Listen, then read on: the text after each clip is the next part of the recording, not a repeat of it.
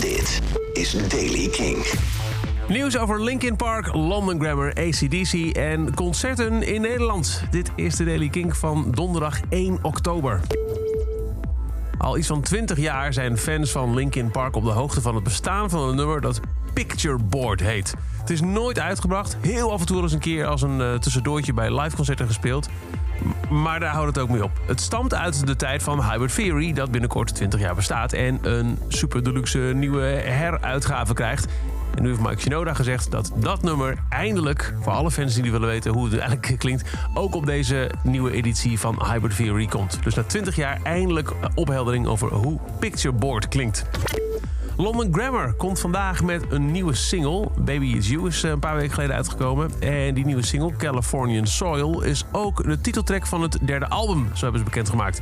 Het liedje betekende echt een keerpunt voor ons als band. Dus daarom hebben we het album vernoemd naar het liedje. Californian Soul komt later vandaag uit.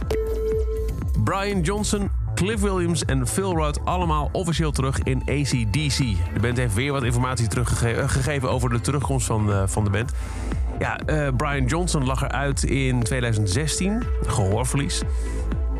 Drummer Phil Rudd werd vervangen door Chris Slade nadat hij was beschuldigd bevonden aan drugsbezit. En bassist Cliff Williams ging eigenlijk in 2017 met pensioen, maar nu komen ze dus terug. Het staat op in, in krantadvertenties die gisteren ineens werden geplaatst in kranten in Teesside, Newcastle, Glasgow, Manchester en Birmingham. En dus dat power-up logo dat een paar dagen al uh, te zien is. Ongetwijfeld heel snel binnenkort ook muziek van ACDC. En dan de coronamaatregelen. Hoe pakken ze uit voor de, de verschillende concertzalen? Nou, in tegenstelling tot wat eerst het geluid was, mag toch Paradiso en de Melkweg open blijven in Amsterdam. 10 instellingen in Amsterdam krijgen een uitzondering van meer dan 30 bezoekers. Dat geldt dus voor Paradiso en de Melkweg, maar ook voor andere instellingen als Carré, het Concertgebouw en het Muziekgebouw aan het IJ.